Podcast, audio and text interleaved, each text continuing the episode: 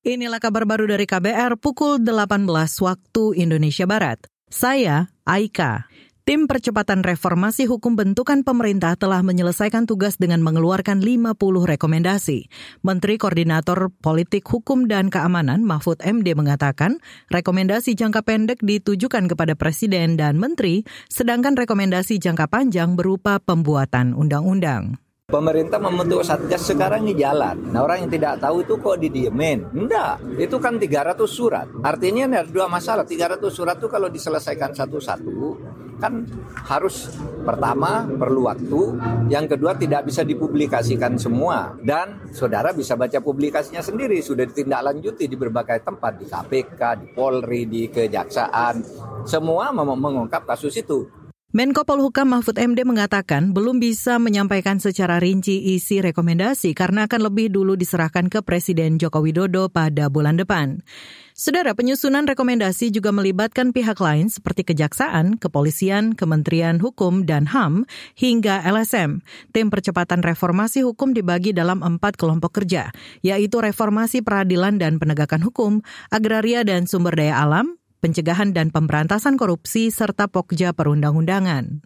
Kita beralih saudara, pemerintah Indonesia dan raksasa perusahaan pesawat Boeing asal Amerika Serikat mencapai kesepakatan pembelian 24 unit pesawat tempur F-15EX.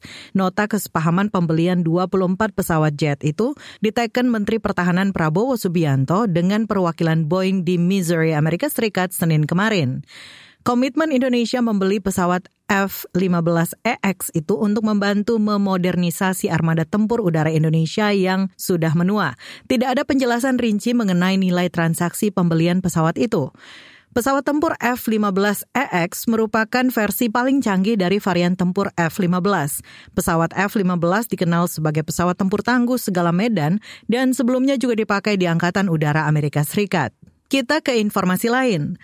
Badan Meteorologi, Klimatologi, dan Geofisika BMKG menyatakan kepunahan salju abadi di Puncak Jaya, Papua akan mengancam keberlangsungan kehidupan masyarakat adat setempat.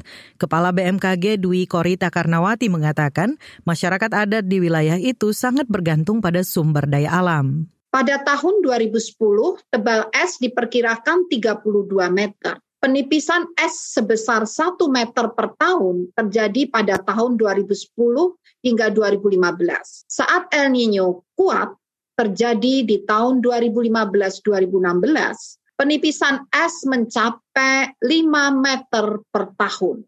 Sedangkan sejak 2016 sampai 2022, penipisan es sekitar 2,5 meter per tahun. Kepala BMKG Dwi Korita Karnawati mengatakan perubahan iklim akan mempercepat kepunahan salju abadi tersebut.